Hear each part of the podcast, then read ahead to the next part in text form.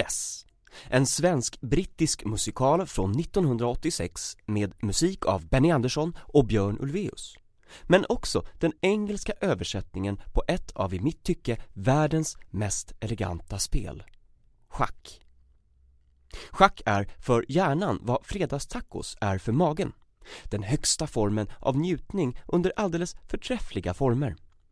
Spelet schack och dess mer primitiva föregångare tros ha utvecklats i östra Indien någon gång för 1500 år sedan och det har fascinerat människor ända sedan dess. För några kanske schack bara är ett spel bland många, men för mig är det så mycket mer än så. Schack är en allegori för livet självt. Schack är fulländning. Schackmati sami intellektualny vid sporta. Schack är den mest intellektuella sporten som Vladimir Putin så storslaget uttryckte det för några år sedan. Och det är inte märkligt att han så tycker. Även om han har fel i sak då schack väl inte kan klassas som en sport, trots att man kan tävla i det. Jag har under de senaste åren förkovrat mig ordentligt i schack och spelat över 15 000 partier. Så förälskelsen kan sägas vara påtaglig. Tilläggas ska att ett parti schack inte behöver ta särskilt lång tid. Jag brukar spela tre minuters matcher, vilket innebär att jag och min motståndare får tre minuter vardera på oss att försätta varandra i schackmatt. Lyckas man inte på den tiden förlorar man partiet. För dig som levt under en sten större delen av din levnadsbana kan förklaras att schack är ett spel med huvudmålet att ansätta en av motståndarens spelpjäser, kungen, i en tvingad position där denne slutligen tvingas kapitulera. Kanske är schack så stilfullt för att spelet inte innehåller någon dold information. Varje spelare har 16 pjäser till sitt förfogande och denne ska med list, strategi, svek och känsla utmanövrera den som sitter mitt emot. Spelet är både enkelt och svårt. Reglerna är enkla, men de olika scenarion som dessa regler kan frambringa fortsätter förundra även de mest erfarna spelarna. Den gamla devisen att det är lätt att lära sig men svårt att bemästra kanske aldrig har passat in bättre än just när det kommer till schack. Matematikern Claude Shannon räknade på 50-talet ut att antalet olika möjliga schackspel, det vill säga hur många olika schackpositioner som finns, uppgår till den smått osannolika siffran 10 upphöjt till 120.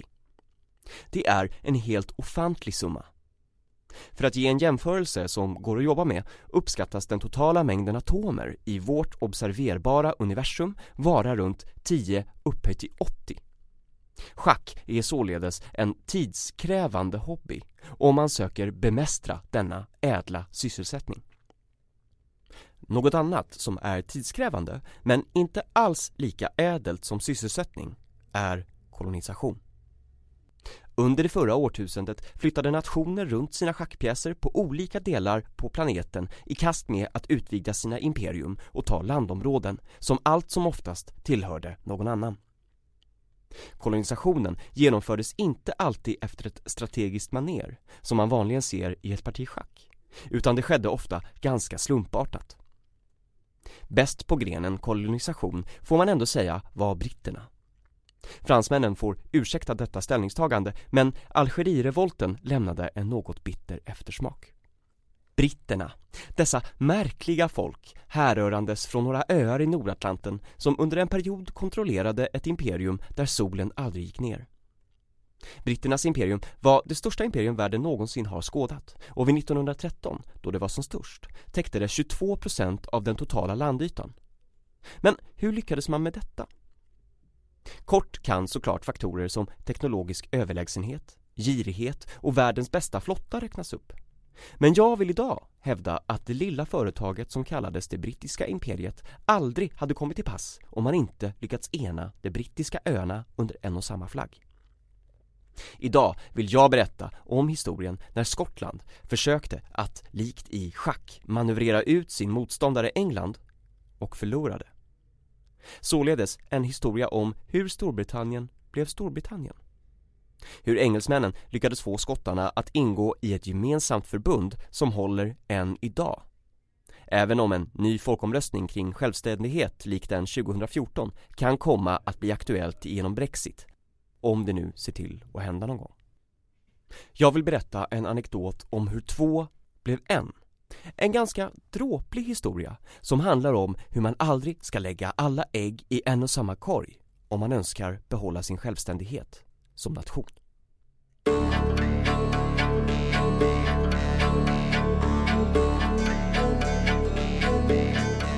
Du lyssnar på Historia du borde fått lära dig med mig, Fredrik. En podcast om dråpliga historiska händelser som jag tycker inte har fått den uppmärksamhet som de förtjänar. Podcasten kommer ut en gång i veckan, men vill du förhandslyssna på nästa avsnitt redan nu föreslår jag att du går in på podme.com eller laddar ner podme appen och börjar prenumerera. Första månaden är gratis. Jag ger er Skottlands misslyckade kolonisering av Panama 1698.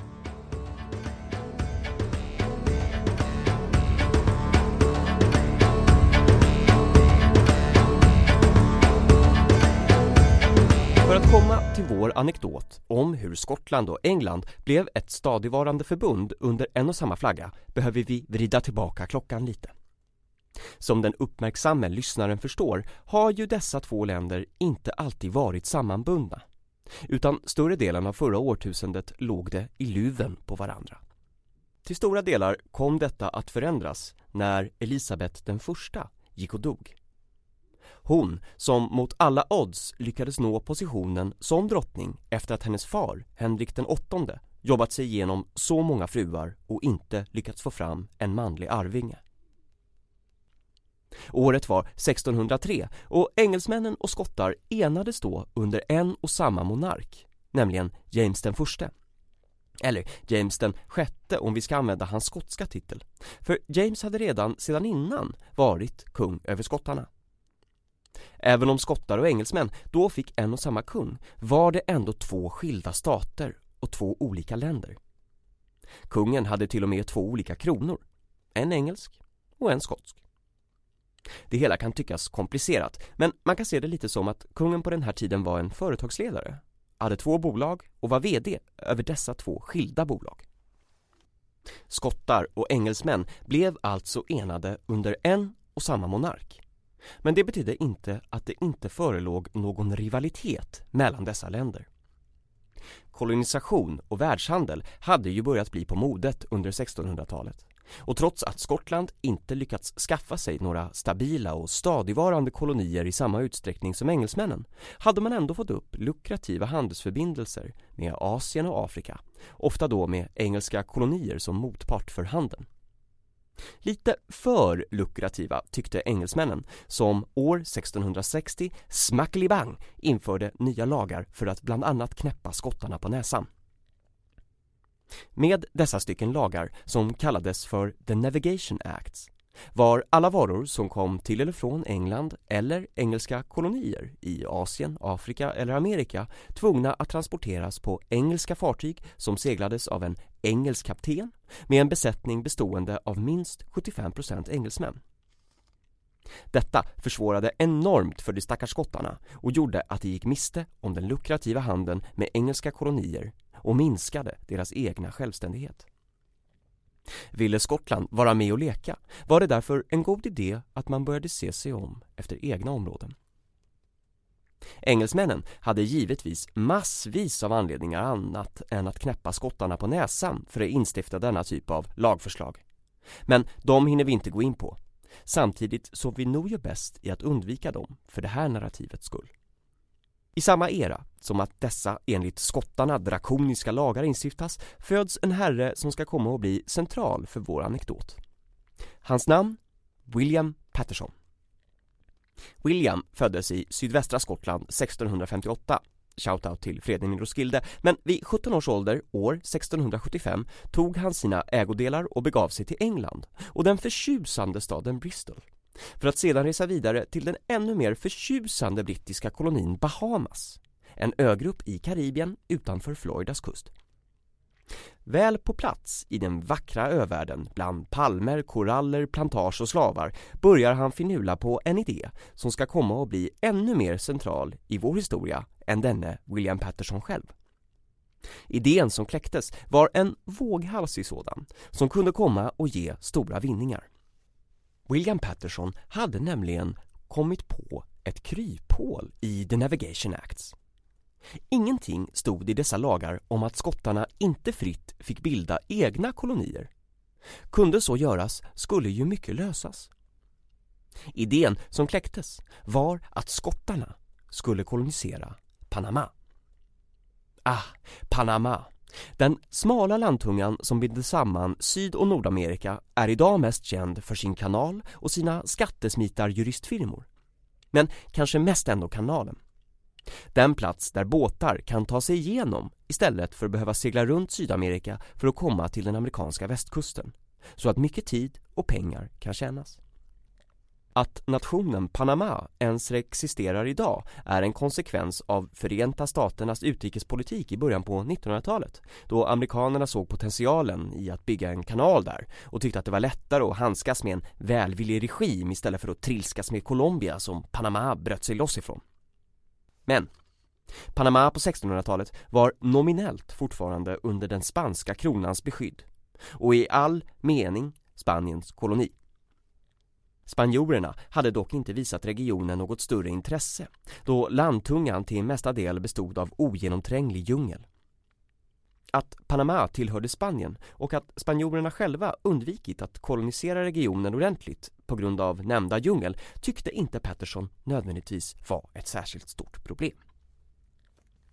Patterson hade själv gjort sig en förmögenhet på internationell handel och vidtagit flertalet resor i Amerika och Västindien. Han hade inte varit i det vi idag kallar Panama, men han förstod att spanjorerna inte insett Panamas fulla potential i och med att de höll det underutvecklat. Det kunde ju bli en möjlig brygga mellan öst och väst. En koloni som kunde byta varor i både Atlanten och Stilla havet. Faktorer som tillgång och efterfrågan på de varor som hittades i Stilla havets värld gjorde platsen till en potentiell guldgruva. Att åka runt Sydamerika var ett farofyllt företag, även för de mest erfarna seglarna. Och det hela tog nästintill oförsvarligt lång tid. Med det sagt hade Patterson inga tankar på en kanal av den typen vi ser idag i Panama. Det förstod även visionären Patterson var ett projekt av orimliga proportioner. Men möjligtvis kunde man istället bygga någon typ av väg över Panama en väg som gjorde att man kunde frakta gods och människor över den lilla landtungan och slippa segla runt hela kontinenten. En anledning till att Patterson såg det hela som görbart var att Spanien inte heller vid den här tiden var vad det en gång varit. Det spanska imperiet var på nedåtgående. Spanjorerna hade inte lyckats hålla andra sjöfararmakter borta från Amerika och det hade fått se engelsmän, fransmän och holländare bildar kolonier och baser i vad som en gång varit mark under den spanska kronan. Det var inte mycket det kunde göra åt saken. Det hade varken militär eller resurser för att motsätta sig utvecklingen. Skottland var, i slutet på 1600-talet, också i desperat behov av någon form av seger. Det var ett land i kris. Sju år av svält hade lett till att fattigdomen var utbredd och landet var på ruinens brant. Någonting var tvungen att göras om inte landet skulle bli annekterat av den mäktiga grannen England i söder. Patterson kom tillbaka från Bahamas och reste runt i Europa. Men trots att han var skotte gick han först och frågade engelsmännen om de skulle vara intresserade av hans idé att kolonisera Panama. De nappade inte alls och efter det sträckte han ut frågan till både holländarna och tysk-romerska riket. Men icke. Ingen av dessa statsbildningar godtog heller hans förslag. Kvar fanns då Skottland. 1695 hade i Skottland bildats ett företag vid namn The Company of Scotland.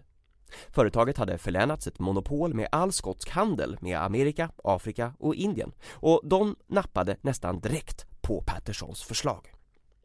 Nu gällde bara att hitta kapital för att förverkliga denna briljanta idé och lyfta Skottland från fattigdomen in i rikedomens grönskande sköte.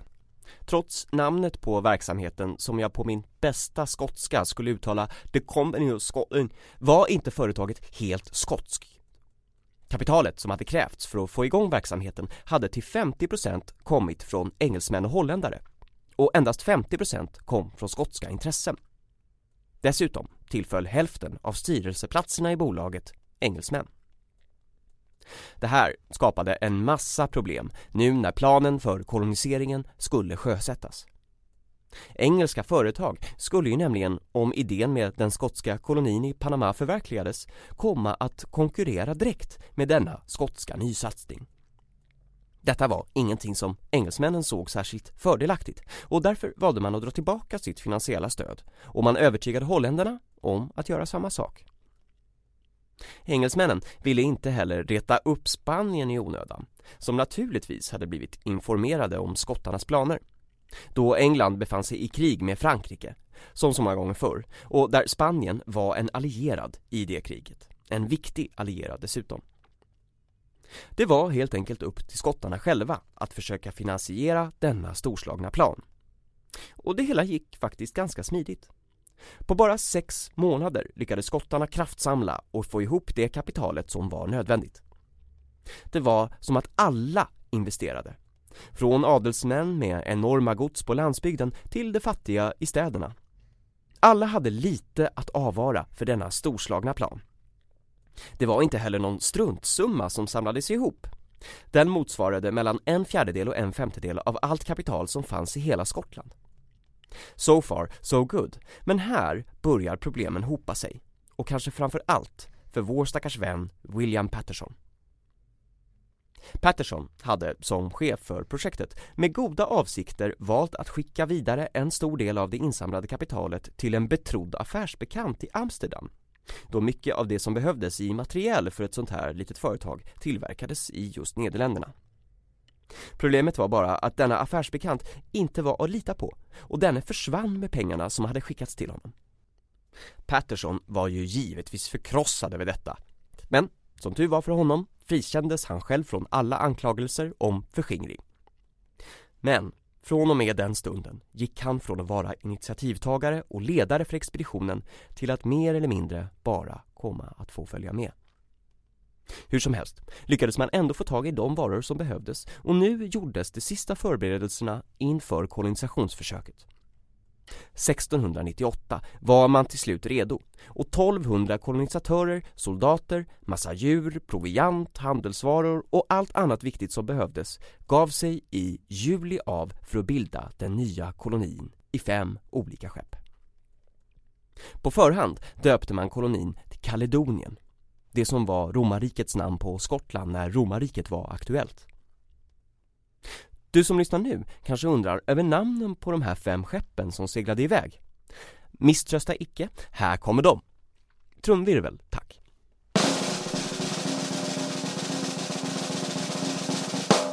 Nummer ett. The Unicorn, som för övrigt också är Skottlands nationaldjur. Nummer två. St. Andrew, ett populärt helgon och händelsevis även det universitet min bror spenderade formativa år i. Nummer tre, Caledonia, av anledningar förklarade i föregående segment.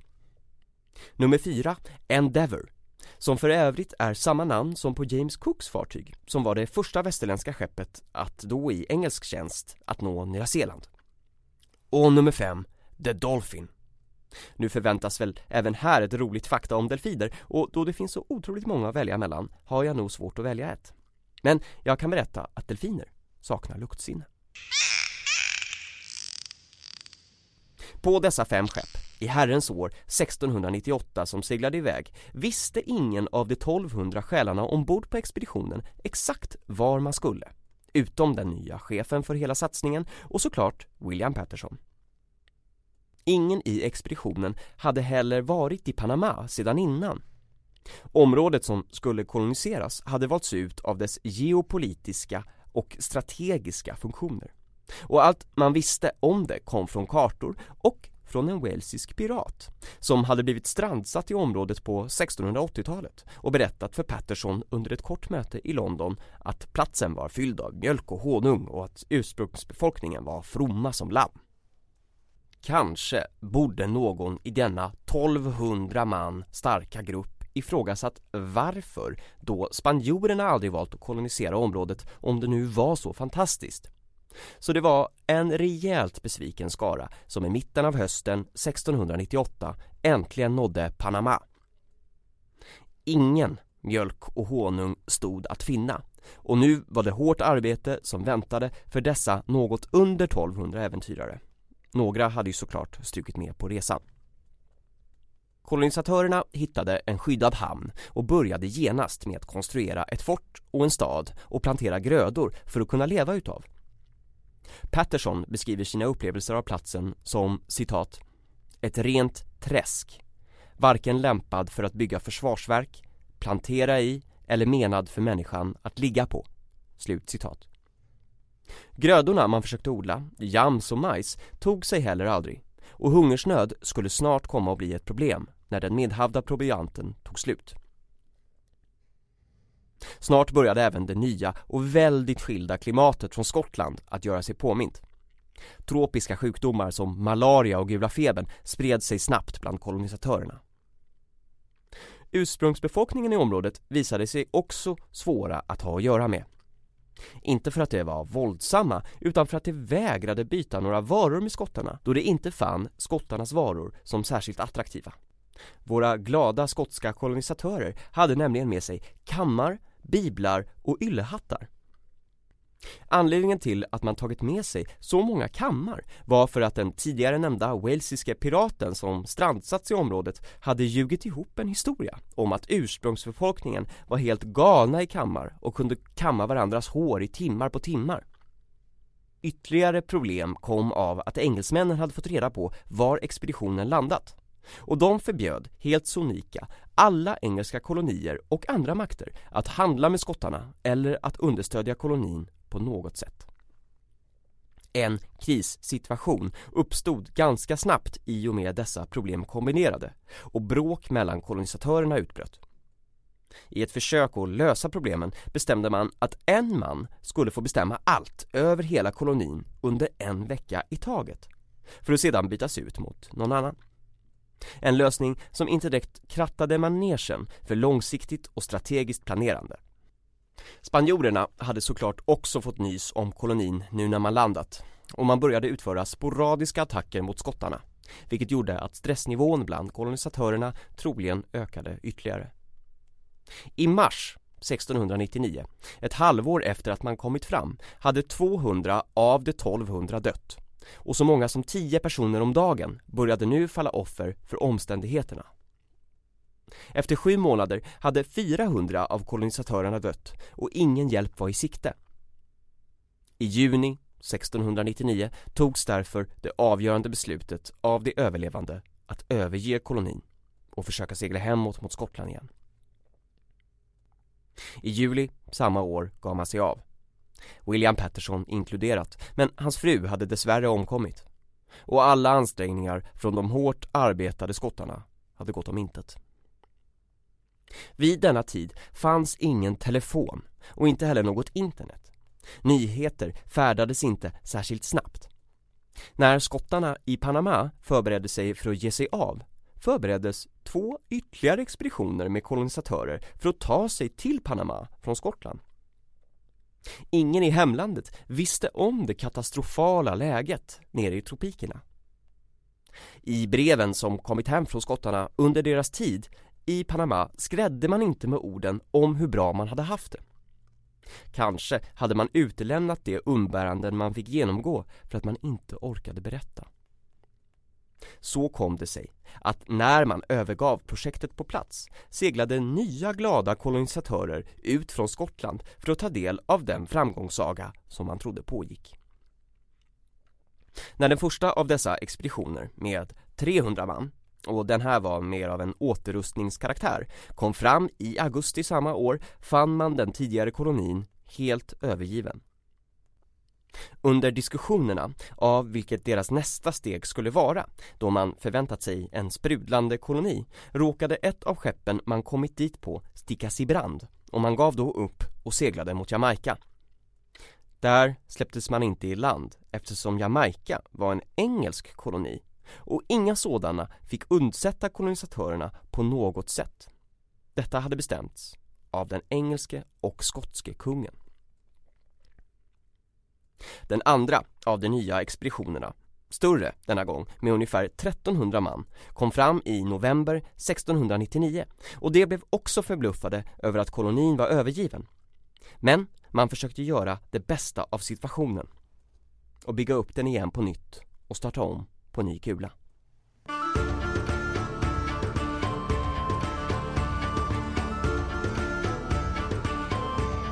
Tragiskt nog gick det ungefär för denna grupp som det hade gjort för det tidigare. Med den enda skillnaden att nu var det spanjorerna som satte in nådastöten och belägrade kolonin och tvingade skottarna att ge sig av efter att de hade kapitulerat. Drömmen om det nya Kaledonien och Skottlands koloni i Panama övergavs härmed. Detta skulle få konsekvenser. Bara ett skepp av de totalt 16 som seglat ut hade lyckats ta sig tillbaka till Skottland igen. Skeppet var nummer tre i ordningen Kaledonien för er som undrar. Men över 2000 människor hade fått sätta livet till i expeditionerna. Av de skottar som lyckades ta sig hem igen efter att ha varit i kolonin blev livet inte lätt. De föraktades av samhället och blev ofta utstötta. Det sågs inte med blida ögon på deras misslyckande. Så mycket nationell stolthet och prestige hade gått in i det här projektet och nu fick de som kanske hade jobbat hårdast för dess förverkligande bära skulden för dess misslyckande. Nationell stolthet och prestige i all ära men kanske var folk mest förbannade över att de hade mist sina investeringar och ofta sina besparingar. Alla pengar som tryckts in i projektet var nu putsväck borta. Många hade blivit bankrutta och Skottlands umbäranden fortsatte. Statsfinanserna var också ohyggligt dåliga. Den utsatta ekonomiska situationen tillsammans med en rad andra realpolitiska anledningar gjorde att skottarna inte hade mycket att sätta emot när engelsmännen i början på 1700-talet föreslog att en ordentlig union mellan de två länderna, där Skottland skulle vara den mindre parten som hade mindre att säga till om, var av godo. År 1707 blev de två länderna ett land och Skottland och England blev Great Britain.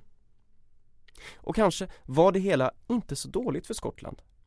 Trots att man gav upp sin suveränitet kunde man nu återigen handla med brittiska kolonier. Och hela den skulden som The Company of Scotland hade haft efter det misslyckade koloniförsöket i Panama skrevs av. Även fast skottarna skulle mista sin självständighet betydde inte det att man på något vis skulle släppa sina egna säregna kulturella seder. Även om vi som smakat haggis kanske hade önskat att vissa saker glömts bort. Skottar är ett stolt folk. De ser inte alltid på blida ögon till sina grannar engelsmännen men idag är de trots allt en nation vi får se om de så förblir som jag nämnt om vi tittar till vad Brexit kan komma att göra. Men ta med dig från den här historien att nästa gång du får för dig att kolonisera Panama och att detta skulle vara en god idé för att rädda din nations suveränitet och ekonomi. Fråga då inte någon om hur det ska gå till som har skotska rötter.